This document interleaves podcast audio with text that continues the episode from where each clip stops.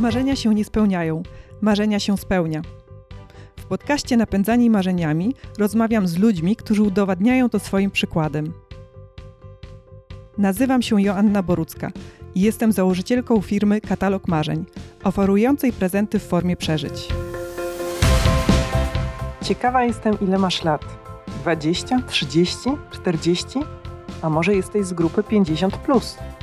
Dzisiejsza rozmowa pokazuje, że wiek nie ma znaczenia dla spełniania marzeń. Nie mam na myśli podróży do egzotycznych krajów, zakupu drogiego samochodu czy wyprowadzki do podmiejskiego domku. Mówię o marzeniach, których realizacja wymaga całkowitej zmiany życia. Zapraszam Cię na rozmowę z Anną Col, dawniej przedsiębiorczą bizneswoman, dziś artystkę aktywną w świecie filmu, producentkę, scenarzystkę, laureatkę nagród za trzy filmy krótkometrażowe oraz dyrektorkę kinogramu kina w warszawskiej fabryce Norblina, niezwykłego pod wieloma względami.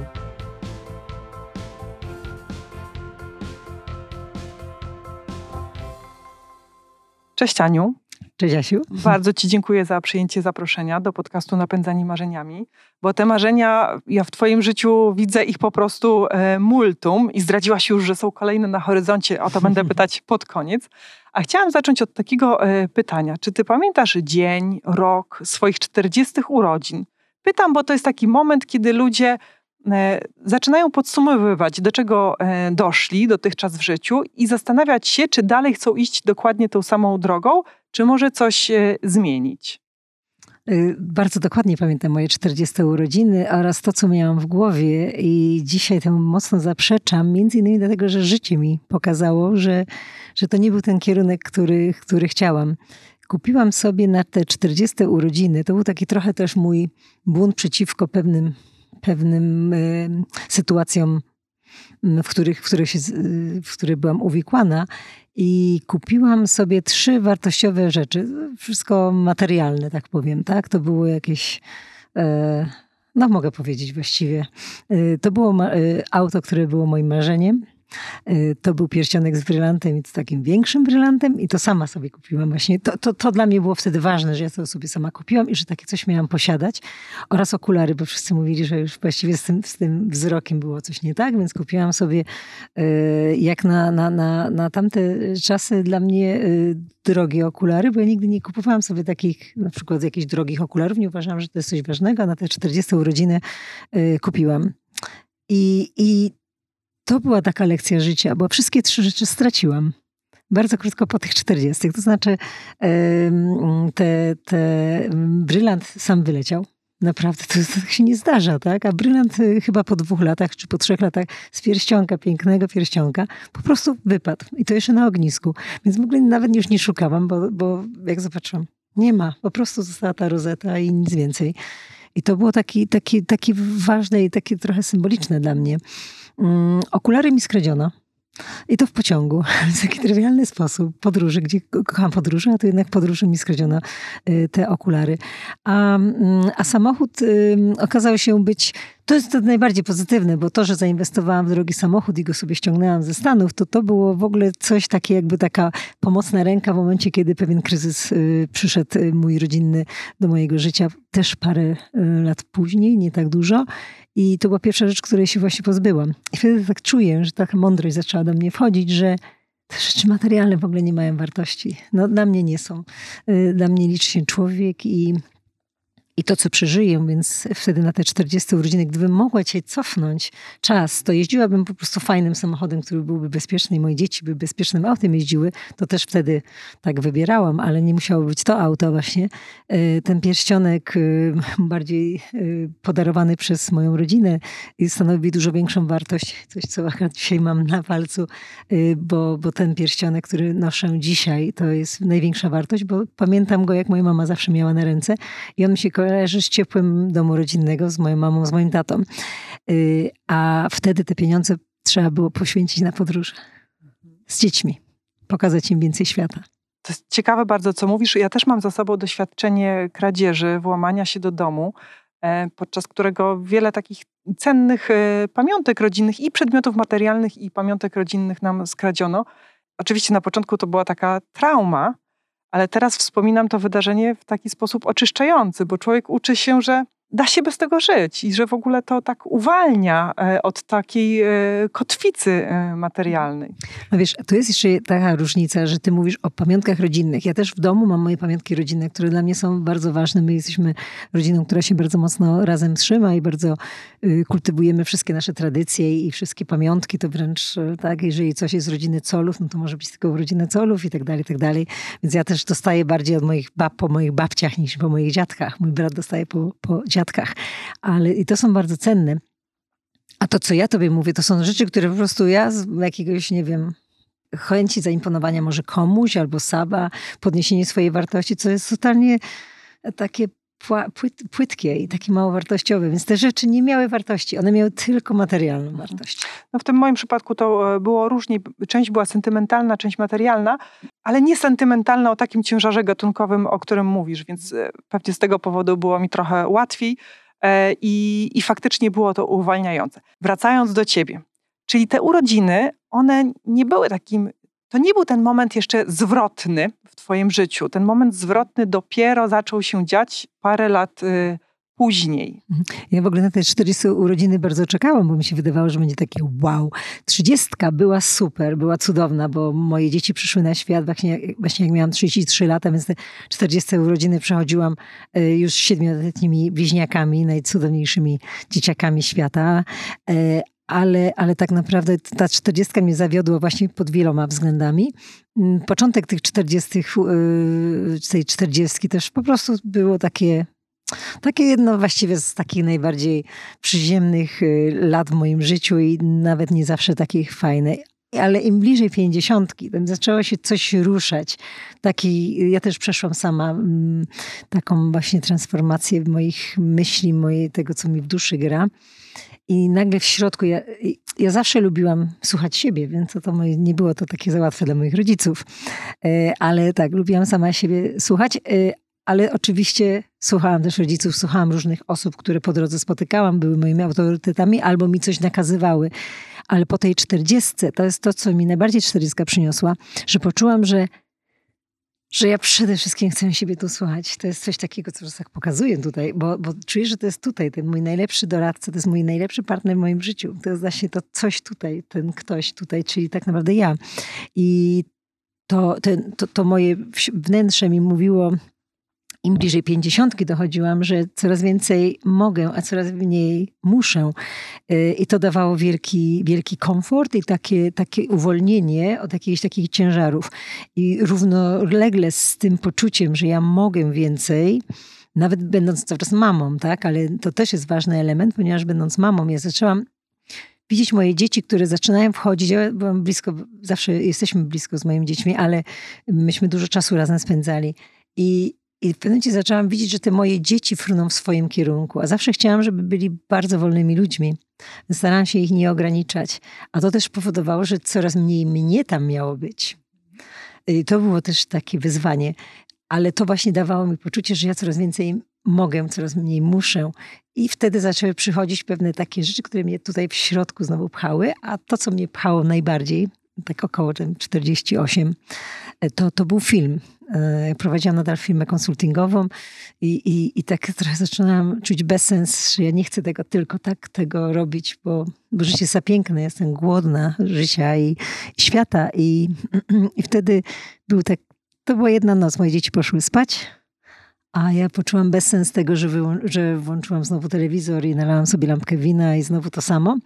Więc wyłączyłam wszystkie światła, wyłączyłam telewizor, tą lampkę przeniosłam na stół, wzięłam laptopa i zaczęłam pisać pewną historię, która we mnie po prostu była i eksplodowała. No i to był początek mojego scenopisarstwa.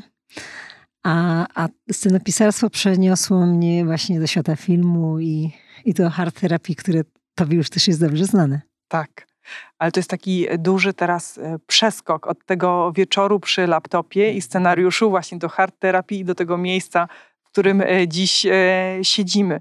A, a jakbyś mogła przypomnieć sobie następny dzień, poranek, po tym wieczorze, kiedy usiadłaś do laptopa i zaczęłaś pisać scenariusz? Poranek był taki, że ja co rozpisałam całą noc i rano zadzwonił mój budzik. Ja nie poszłam spać, tylko budzik zadzwonił, że mam budzić dzieci.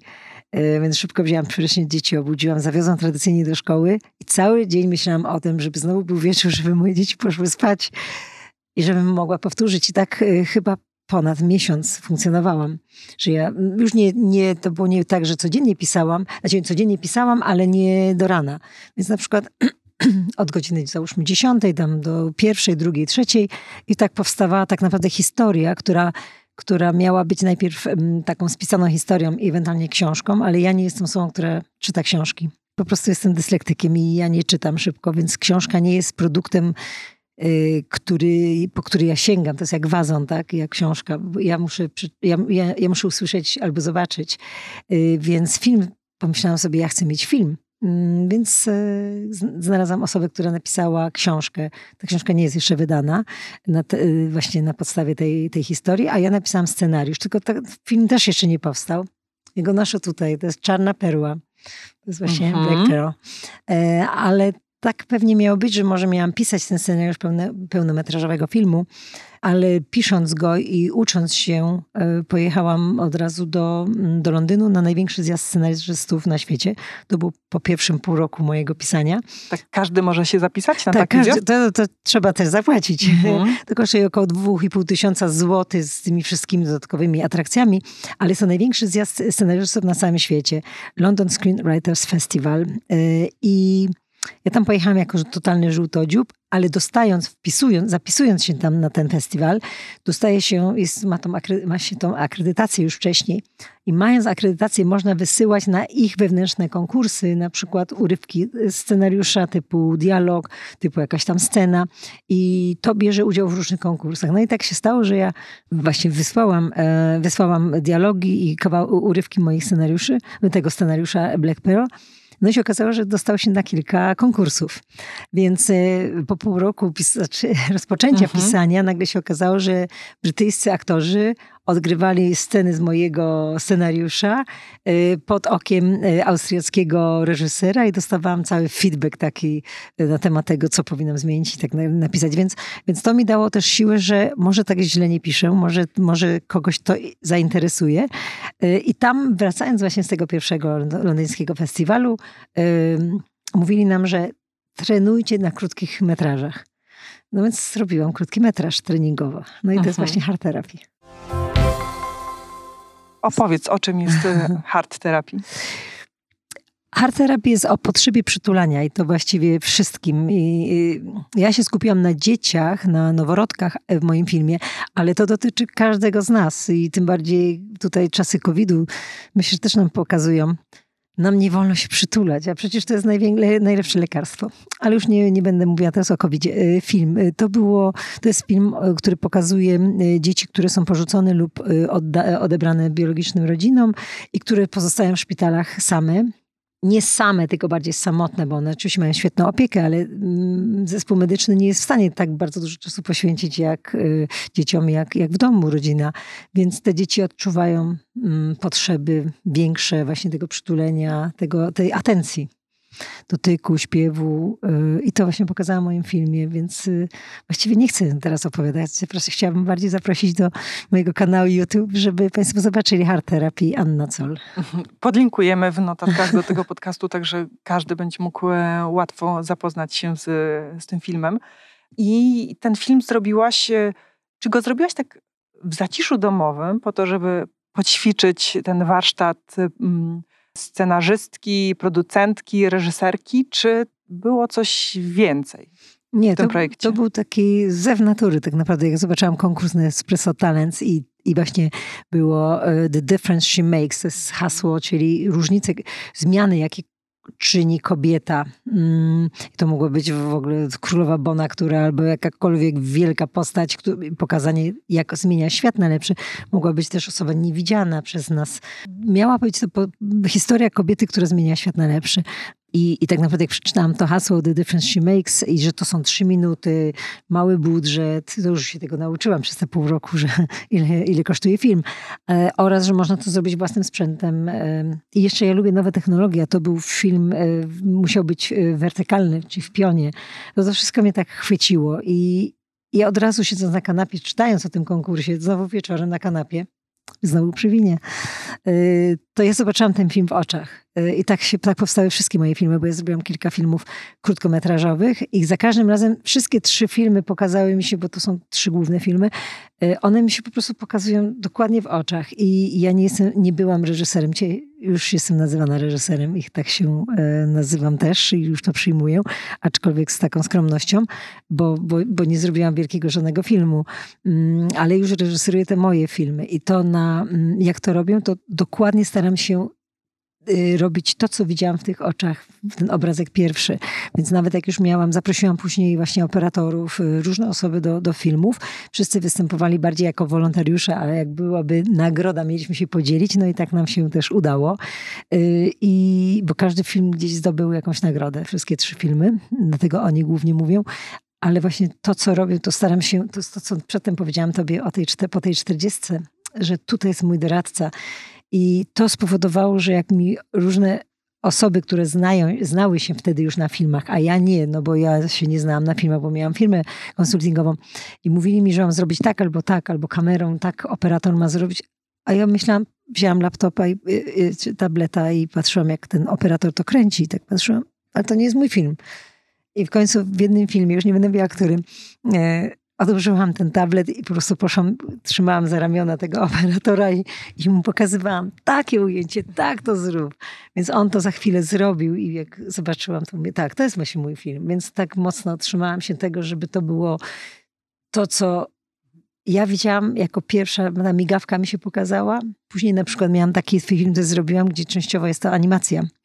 I ja widziałam ten film jako, to jest pająk, Spider i ja chciałam, żeby ta animacja była najprostsza z możliwych. To jakby tak naprawdę dziecko w przedszkolu coś narysowało i, i później poruszało kilkoma karteczkami i to jest ten, żeby ten Spider, ten rysunek, ta animacja nie, nie przytłoczyła, nie była mocniejsza niż y, przekaz.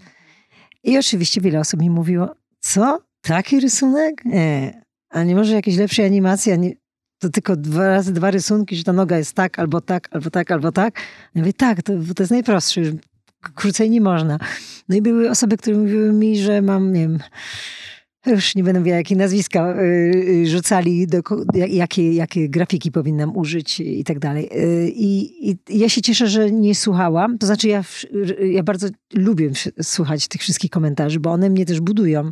Ja to, ja to słyszę, ja to mam w tyle głowy ale jednak gdzieś idę za, za, swoim głosem. No właśnie, chciałam Ciebie o to zapytać. Y, skąd wiesz, w którym momencie iść za swoim głosem, a w którym momencie jednak ta rada od bardziej doświadczonych y, twórców może coś wnieść do, do Twoich kreacji? Ja się bardzo dużo uczę, bardzo dużo uczę. To tutaj na przykład w kinie też spotykam, e, w kinogramie, spotykam bardzo dużo e, osób, oczywiście twórców e, kina i uwielbiam z nimi rozmawiać i ja, ja wszystkie uwagi słucham i staram się właśnie nieraz może, może ja nie daję po sobie poznać, że ja kogoś tak bardzo wysłuchałam, ale ja słucham i pamiętam i ja cały czas później analizuję. Jak ja śpię, to bardzo często ja po prostu to jest jakbym miała drugie życie. Czas myślę i analizuję. Ale jednak, jak już finalnie coś robię, to, to ten czas sobie daję, że miałam swoją wizję, później ktoś mi coś powiedział, więc to taka jest troszeczkę nieraz zmiana tych klocków. I ja muszę to trochę przespać, muszę przeanalizować i znowu to do mnie przychodzi. Naprawdę, ja wiem, może brzmi to kosmicznie, ale ja to czuję, że to tak przychodzi. Ja słucham tego czegoś, co do mnie przychodzi. I to tak, tak mnie pcha tutaj. E, brzmi magicznie, ale magicznie tak e, tak pięknie, e, magicznie. Ja tak funkcjonuję i nie umiem tego wytłumaczyć, ale mi jest z tym dobrze i tak funkcjonuję. Ale też faktycznie nie umiem tego do końca wytłumaczyć. Czyli e, nagrana jest e, terapia sercem, to jest 2018 rok, a w ogóle temat filmu przyszedł do ciebie, ten e, pierwszy rękopis, e, scenariusz, e, to był 2016 rok. W którym momencie zrezygnowałaś z prowadzenia firmy i zdecydowałaś, że to jest już ten czas, że można e, tą drugą nogę dostawić na tą stronę e, sztuki. Dokładnie po, po powrocie z Cannes już czułam, e, no właśnie, bo nie mówiłyśmy, że film tak. Hard Therapy zajął drugie miejsce na festiwalu filmowym w Cannes właśnie w 2018 roku, w maju, mm, w konkursie Nespresso Talents mm, i to było, to było takie zaskoczenie, że właśnie no widzisz, po, takim, po takiej sytuacji, jak mam z siebie nie słuchać? I to nie chcę, żeby zabrzmiało bezczelnie, że ja jestem taka albo zarozumiała. Nie, ale po prostu myślę, że, że też chciałabym, na przykład moim dzieciom też mówię i, i tym samym, jeśli dzieciom mówię, to też innym osobom bardzo polecam słuchać siebie, bo my jesteśmy, uważam, swoimi najlepszymi doradcami. W nas jest ta prawda.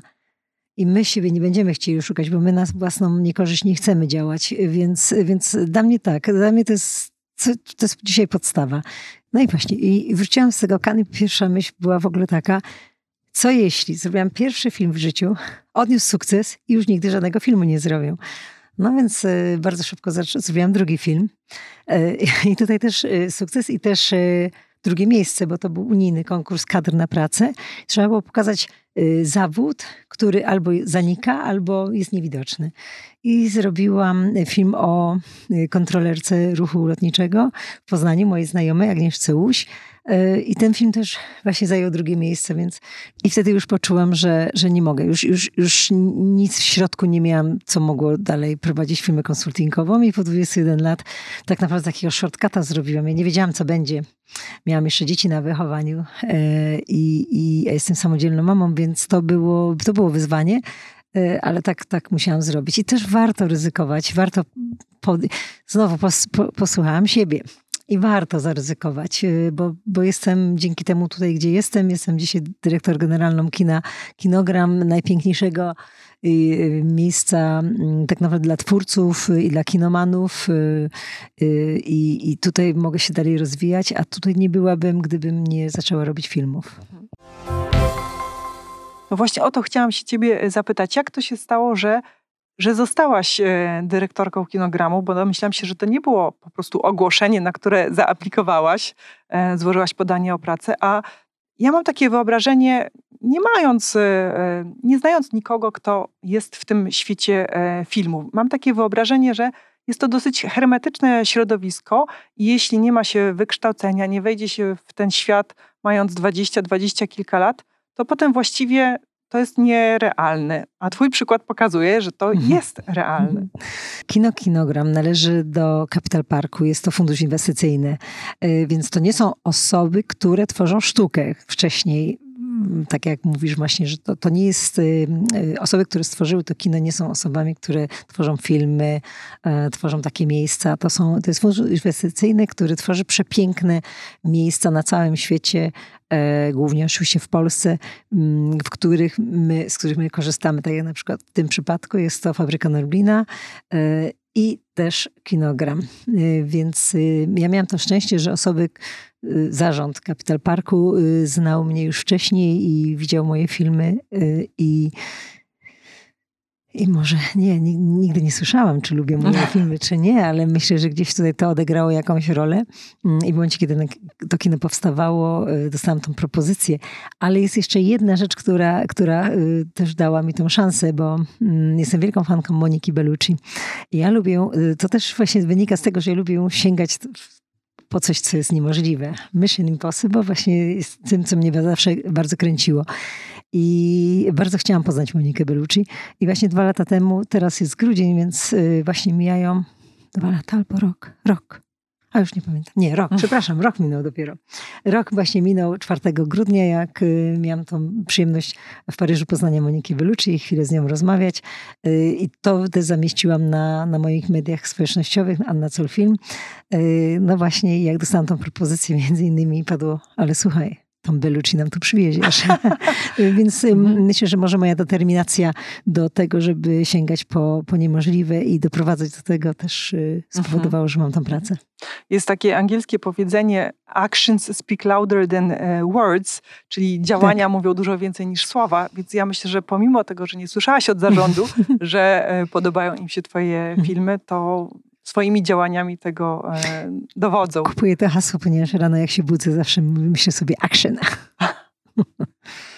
Ostatnie twoje słowo przed chwilą to było action. Właśnie, więc szybka zmiana miejsc. Jesteśmy teraz w innej części przestrzeni e, kina Kinogram. No i właśnie o to kino chciałam się ciebie zapytać, bo kinogram to jest dużo więcej niż, e, niż po prostu kino. Teraz nagle klik, jesteśmy w, dokładnie w, w, siedzibie Gildii Reżyserów.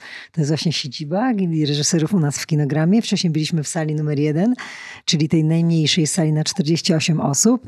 A tak dookoła mamy w sumie 7 sal i tutaj za nami jest, tam jest sala numer 5, czyli największa. 6 i sala numer 7, dokładnie z Asiu za tobą, czyli sala, w której jest y, oryginalna statuetka Oscara, y, którą zdobył pan Jan A.P. Kaczmarek za muzykę do filmu Marzyciel. I jak to mówię, jesteśmy najprawdopodobniej jedynym kinem na świecie, którym pokazuje każdemu, kto kupi bilet do sali numer 7, oryginalną statuetkę i można ją właśnie zobaczyć. Y, kino jest w ogóle na przestrzeni 3,5 tysiąca metrów, więc można powiedzieć, że jesteśmy wielcy ale jesteśmy też bardzo mali, bo mamy y, tylko 530 miejsc y, właśnie w siedmiu salach, więc te sale są małe, kameralne. Ta największa sala, o której mówię właśnie przy foje y, sceny, która jest za mną, jest na 112 miejsc, więc naprawdę jesteśmy mali. Ale mamy dużą przestrzeń, bo mamy też właśnie galerię sztuki, której przekazaliśmy dwie duże ściany wystawowe, więc samo foyer galerii czyli miejsca, miejsce takie wspólne, gdzie wszyscy mogą spędzić czas, y, to jest 120 metrów i można tam podziwiać sztukę, można y, korzystać z naszego baru. Mamy największy bar w całej fabryce Nerlina, 14-metrowy, prowadzony przez Tomka Małka, mistrza świata. Nie ma nikogo na świecie, kto ma takie tytuły i tyle tytułów y, bermańskich. Najlepsza kawa, ale też fantastyczne drinki bo mamy takie nasze iconic drinks i to są naszego baru i to są wszystkie, wszystkie te drinki są specjalnie y, przygotowane dla naszego kinogramu, czyli receptura niepowtarzalna. Y, serdecznie zapraszam, między innymi mamy na przykład popcorn, i to jest tak, że dostajecie kubek popcornu. Bo tak, to jest jedno z najczęstszych pytań. Czy zanim otworzyliśmy kino, czy nasze kino będzie miało popcorn? Tak, mamy popcorn, ale nasz popcorn jest y, docelowo może w siedmiu, ośmiu smakach. Teraz był na przykład film Truflarze i mieliśmy popcorn truflowy.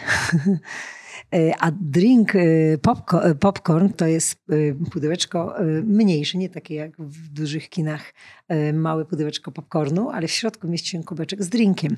Więc pijesz, masz tą słomkę, która wystaje z popcornu, więc sobie tutaj pijesz, tutaj jesz. Bardzo, bardzo miła, bardzo miły, miły drink, także serdecznie polecam. No właśnie. Bo powiedziałaś wcześniej, że kino jest małe, jeśli chodzi o liczbę miejsc, ale kino, e, kinogram jest wielkie, jeśli chodzi o koncepcję i intencje, no bo właśnie dużo więcej niż kino. Wspomniałaś o galerii sztuki, e, o przestrzeni, o barze, ale to jeszcze nie wszystko. Tu się dzieje o, o gildii e, reżyserów polskich w siedzibie, której siedzi, siedzimy, ale to jeszcze nie wszystko. Dużo więcej dzieje się w tej przestrzeni fizycznej i, i takiej też przestrzeni e, kreatywnej. E, wspomniałaś mi wcześniej, poza jeszcze tutaj, poza ekranem, poza e, naszą rozmową, że kino pozwoliło ci, pozwoliło ci zrealizować jedno ze swoich y, dużych marzeń. Tak, wielkich. Generalnie chciałam powiedzieć to, że e, Kinga Nowakowska, e, członek zarządu Capital Parku, e, właśnie miała wizję tego miejsca. Mm, jest dyrektorem też całej fabryki Norblina i miała taką właśnie wizję, żeby to było miejsce, gdzie nie tylko pokazujemy filmy na dużym ekranie, ale żeby to było miejsce spotkań, żeby tutaj się działo dużo dookoła sztuki, żeby sztuka tak naprawdę spotkała się z, z twórcami. I ja próbuję realizować e, Kingi e, wizję, która jest totalnie spójna z moją wizją e, w ogóle postrzegania świata i, i życia. I, I, to są te wartości, więc to, co tutaj robimy, to tak naprawdę łączymy różne sztuki. Sztuka filmowa jest to oczywiste, bo jesteśmy kino, które wszystko gra. I, i mamy, czyli mamy filmy na dużym ekranie, ale nie tylko filmy, mamy też koncerty, mamy y, na dużym ekranie, mamy operę. Raz w miesiącu mamy operę na dużym ekranie, co wieczór z operą. E, teraz 5 y, stycznia mamy Zemstę. I także, jak, tak jak mówię, w każdym miesiącu jest jakiś wieczór z operą, ale też może będzie operetka, może będzie musical, może będzie teatr. Y, mamy też y, koncerty, będzie niedługo festiwal, y, Kinogram Music Festival, czyli to będą właśnie fajne, e, fantastyczne, właśnie nie mogę być fajne, fantastyczne koncerty światowe, które były nakręcone, są tak naprawdę prawie że niedostępne dla każdego, e, każdej osoby, żeby zobaczyć te koncerty. Już wiadomo, nie pojedziemy w niektóre miejsca, ale też bardzo trudny jest dostęp do tych e, materiałów, więc nie chcę zdradzać, ale będą to unikatowe filmy pokazywane muzyczne mm, i będą miały swoje premiery. Tutaj na przykład e, we foyer sceny za nami w każdy czwartek, piątek i sobotę mamy muzykę na żywo, więc przychodząc na film można tak naprawdę wcześniej spędzić tu czas. Jedno tu we foyer sceny, w barze, tam mamy y, foyer galerii. Bardzo dużo osób przychodzi do nas y, w weekendy, ale nie tylko, żeby w ogóle spędzić u nas cza czas. Z kolei Teraz nie wiem, na ile kamera pokazuje, ale z mojej prawej strony jest y, przestrzeń też wystawowa, plakatowa, zdjęciowa. Mieliśmy 26 plakatów, y, kurier francuski, taki film y, Disneya, fantastyczny i było właśnie stworzonych 26 plakatów i wszystkie plakaty były u nas tutaj wystawiane jako jedno z nielicznych miejsc y, w Polsce. Teraz mamy zdjęcia backstage Briana Adamsa, który zrobił przepiękną sesję do kalendarza Pirelli. I z kolei 6 stycznia wchodzi fantastyczna wystawa zdjęć Piotra Jaksy. To są wielkoformatowe y, zdjęcia. Drukowane będą na, są wydrukowane na metalu. To są wielkie formaty, które będą właśnie tam wystawione. Będzie też spotkanie z Piotrem Jaksą. Fotograf, y, operator współpracujący między innymi z Kieślowskim. I sam Kieślowski będzie na zdjęciach tutaj. Więc to jest przepiękna wystawa, która objechała trochę Europy, a teraz przyjeżdża do nas. Y, muszę powiedzieć, że osobiście nie mogę się doczekać, bo to jest jest, to jest tak unikatowa kolekcja, mm, że aż sama, to jest too good to be true, tak? Trochę nie wierzę w to, że nam się to wydarzy, ale jeszcze właśnie dzisiaj Piotr y, do nas przychodzi i będziemy omawiać szczegóły. Więc to a propos, właśnie to jest miejsce spotkań, bo tutaj są twórcy. Właśnie my się spotykamy z operatorami, z aktorami, ze scenarzystami, reżyserami, producentami. Y, mamy właśnie gildię reżyserów, ma w każdy poniedziałek o 19 takie spotkania właśnie w sali Oscarowej numer 7. Y, spotkanie jeden na jeden, albo y, reżyser sam opowiada o swoim filmie, albo jeden reżyser pyta drugiego, więc najpierw jest film, potem jest rozmowa. I te rozmowy najdłużej to prawie o 12 się skończyły, czyli o północy, bardzo, bardzo długo. I to są takie wartości bardzo dodane do kina, ale to jest ten unikatowy koncept e, naszego kina. Chcemy mieć przede wszystkim nie tylko filmy na ekranie, ale spotkanie z twórcami, bo człowiek jest najważniejszy. Dokładnie. I takim dodatkowym formatem spotkań z twórcami jest też festiwal, o którym jeszcze nie powiedziałaś. A, a no właśnie, właśnie to moje marzenie, które e, dzięki temu, że e, Kinga e, mi zaufała i jak przedstawiałam Kindze koncepcję naszego własnego festiwalu, Kinga powiedziała mi, okej, okay, rób Wiadomo, że na końcu zawsze muszą być te cyfry. No, jesteśmy jednak funduszem inwestycyjnym, więc yy, na szczęście cyfry też się spięły bardzo dobrze. Nie tylko to, że festiwal miał dość mocny zasięg, ponieważ mieliśmy z, zgłoszenia z czterech kontynentów, yy, bardzo dużo bardzo ciekawych filmów. W większości oczywiście z Polski, bo jesteśmy w Polsce, ale festiwal, o którym mówię, to jest Kinogram International Film Festival, w skrócie KIF. KIFF. Ruszyliśmy z tym festiwalem, ogłosiliśmy ten festiwal 30 lipca. Mieliśmy zgłoszone na takiej platformie, gdzie, która zrzesza wszystkie festiwale na świecie, Film Freeway. E, tam można było właśnie zgłaszać e, filmy i mieliśmy fantastycznych członków jury. E, Kasia Adamik, przewodnicząca jury. Była również Magda Łazarkiewicz, właśnie Piotr Jaksa, wcześniej wspomniany, Dariusz Jabłoński i Joanna Koskrause. 30 listopada Znowu w sali numer 7, bo jest to taka bardzo prestiżowa y, sala. Mieliśmy zakończenie, mieliśmy rozdanie nagród i wręczyliśmy nagrody, przepiękne statuetki, również nasze autorskie. Każda statuetka wygląda jak dzieło sztuki, więc myślę, że poza nagrodą pieniężną, które, które y, pierwsze trzy osoby otrzymały, to to jest fajna y, już też wartość samej statuetki. I co bardzo ważne, w listopadzie, zanim ogłosiliśmy pierwszą e, trójkę, mieliśmy tą galę rozdania nagród, tutaj właśnie we foje e, sceny na tych dziewięciu ekranach, które tworzą jeden duży ekran, wyświetlaliśmy pierwszą piętnastkę. I właśnie jest taki film, który został zgłoszony na nasz e, Kinogram International Film Festival, tytuł Sukienka. I chciałam powiedzieć, że był u nas w pierwszej piętnastce. Mm, niestety strasznie żałuję. Nie dostał pierwszej, y, pierwszej nagrody, ale właśnie jest na shortliście do Oscara. Jest nominowany do Oscara, więc y, bardzo mocno trzymamy kciuki i podziwiam mm, bardzo wzruszający film. E, totalnie złapał mnie za serce i, i mm, pięknie pokazany. Czy można, czy można te filmy jeszcze gdzieś tutaj obejrzeć, albo jest ich lista dostępna? Nie, my nasze mhm. zakończyliśmy nasz festiwal tego 30 listopada i wtedy już zakończyliśmy. Teraz te filmy, y, one były ogłoszone, więc myślę, że na YouTubie co niektóre, czy na jakichś kanałach Vimeo będzie można zobaczyć, ale tutaj nie chciałabym się wypowiadać za każdy film. Poszukamy i postaramy się mhm. podlinkować y, tak dużo, jak, ale jak sukienkę, to będzie. zobaczcie sukienkę. Piękny film. No i trzymamy mhm. kciuki, cała Polska trzyma kciuki. Shortlista Oscar. E, Ania, to jakie kolejne marzenie e, przed tobą? Czy to jest to marzenie związane z tą czarną perłą, którą widzę na twojej szyi, czy... Przewrotnie tak, ale w trochę inny sposób. Mhm. E, a wracając teraz do początku naszej rozmowy, tej czterdziestki, to krótko po czterdziestce też zrobiłam sobie pewien tatuaż kolejny. Ja bardzo lubię tatuaże, ale tatuaże, wszystkie tatuaże, które mam, e, są związane bardzo ze mną. To jest akurat moje pismo, więc e, skopiowane. To jest mój plan podróży. I tu są miejsca, do których chciałabym bardzo dotrzeć. E, no nikt tej ręki mi nie odsunie, więc, więc mam zamiar realizować po kolei te marzenia. Przy czym tu jeszcze bardzo ważne. Marzenia są, trzeba marzyć. Ja coraz marzę i, i, i namawiam wszystkich, żeby bardzo marzyli, ale jest pewien taki, mój, to jest moja teoria, jest pewien taki mały, y, taki, taki psikus z tymi marzeniami bo nie wszystkim trzeba marzyć i mieć wielkie marzenie, ale nie wszystkie marzenia powinny się zrealizować. I to jest właśnie ich magia dla mnie, bo są marzenia, które dają mi skrzydła, totalny high. Ja jestem totalnie pochłonięta niektórymi marzeniami, żeby do nich dojść, ale po drodze życie pokazuje mi coś, co, mi poka- co, co skieruje mnie troszeczkę inaczej, troszeczkę inaczej. Nie mówię, że zupełnie w drugą stronę, ale to, to, to, to nieraz jest nawet prawie w, w bok.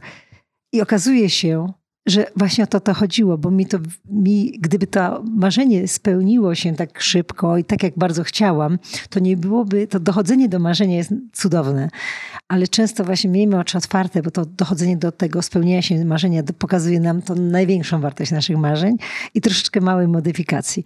Więc też nie znaczy, że ja dokładnie w te miejsca pojadę. Ja z każdym miejscem mam związany jakiś plan podróży z kimś, ale jestem bardzo otwarta na modyfikacje. Ja przede wszystkim chcę podróżować i chcę przeżyć te rzeczy, które tam mam opisane na tym tatuażu. E, tak. A, a zdradzisz jak... jakiś przykład? No, mogę zacząć od początku. Oj, przepraszam. Mogę zacząć od początku. Pierwsze to jest, napisałam to w różnych językach, ale nie powiem wszystkich miejsc. Mm, ale takie najważniejsze, pierwsze to jest e, e, Rapanui, czyli Wyspy Wielkanocne. E, to jest najdalsza destynacja i chyba najtrudniejsza też do, do dotarcia.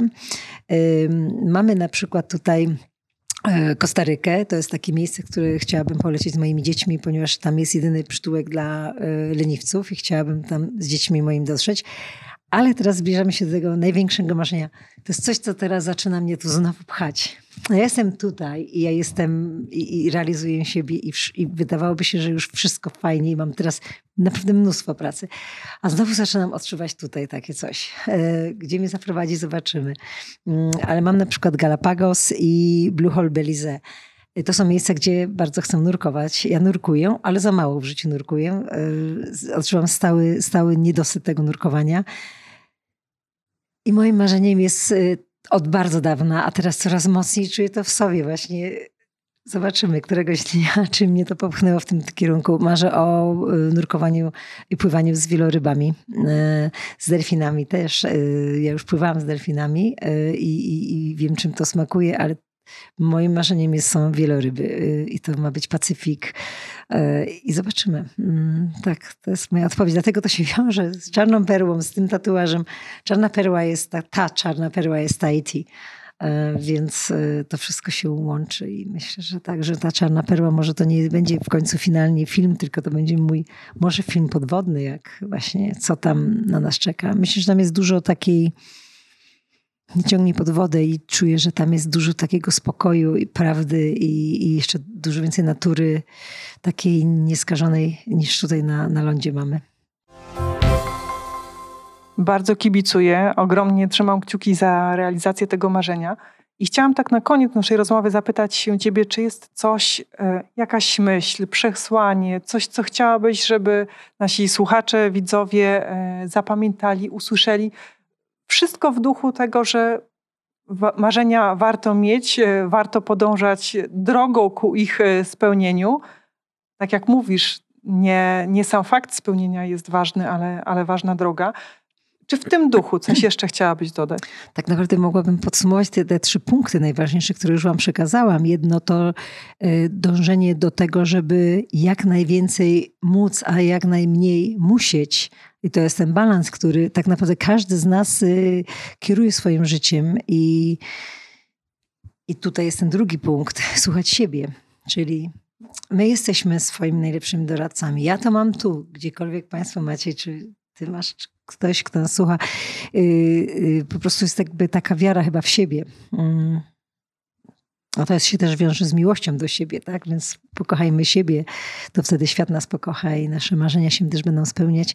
I trzeci punkt, właśnie powinniśmy marzyć każdego dnia, powinniśmy dążyć, action od rana, jak mówiłyśmy, i, i nie zapominać o marzeniach, bo, bo to nas buduje i to tego nam nikt nie odbierze i to, to będzie zawsze w nas to nas buduje. Na koniec będziemy o tym myśleć. Wielkie dzięki za rozmowę. I do zobaczenia gdzieś na dalszej drodze realizacji Twoich, moich e, marzeń. Asiu, ja Tobie życzę dużo sukcesu, bo robisz tak piękne rzeczy i dzięki Tobie moje marzenie też się spełniło, jak płyta hard terapii powstała.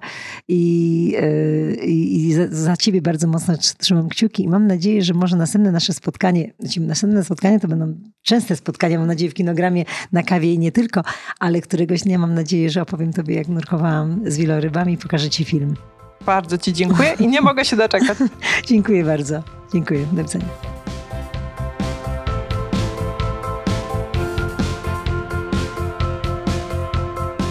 Ja jestem w grupie 40 i pomimo tego, że uwielbiam swoją pracę, to myśl, że mogę ją zmienić, dodaje mi lekkości i energii. Zmiana uskrzydliła też Anię. Zarówno w jej głosie, jak i w uśmiechu widać ogromną pasję i spełnianie się w obecnej roli. Powtórzę więc rady Ani, żeby dobrze zapadły i tobie, i mi pamięć, bo warto. Po pierwsze, dążmy do tego, aby jak najwięcej móc, a jak najmniej musieć. Po drugie, słuchajmy siebie, bo jesteśmy swoimi najlepszymi doradcami. Kochajmy siebie, bo wtedy świat nas pokocha. Po trzecie, nie zapominajmy o tym, aby marzyć, bo to nas buduje i tego nikt nam nie odbierze. Do zobaczenia wkrótce w kolejnym odcinku.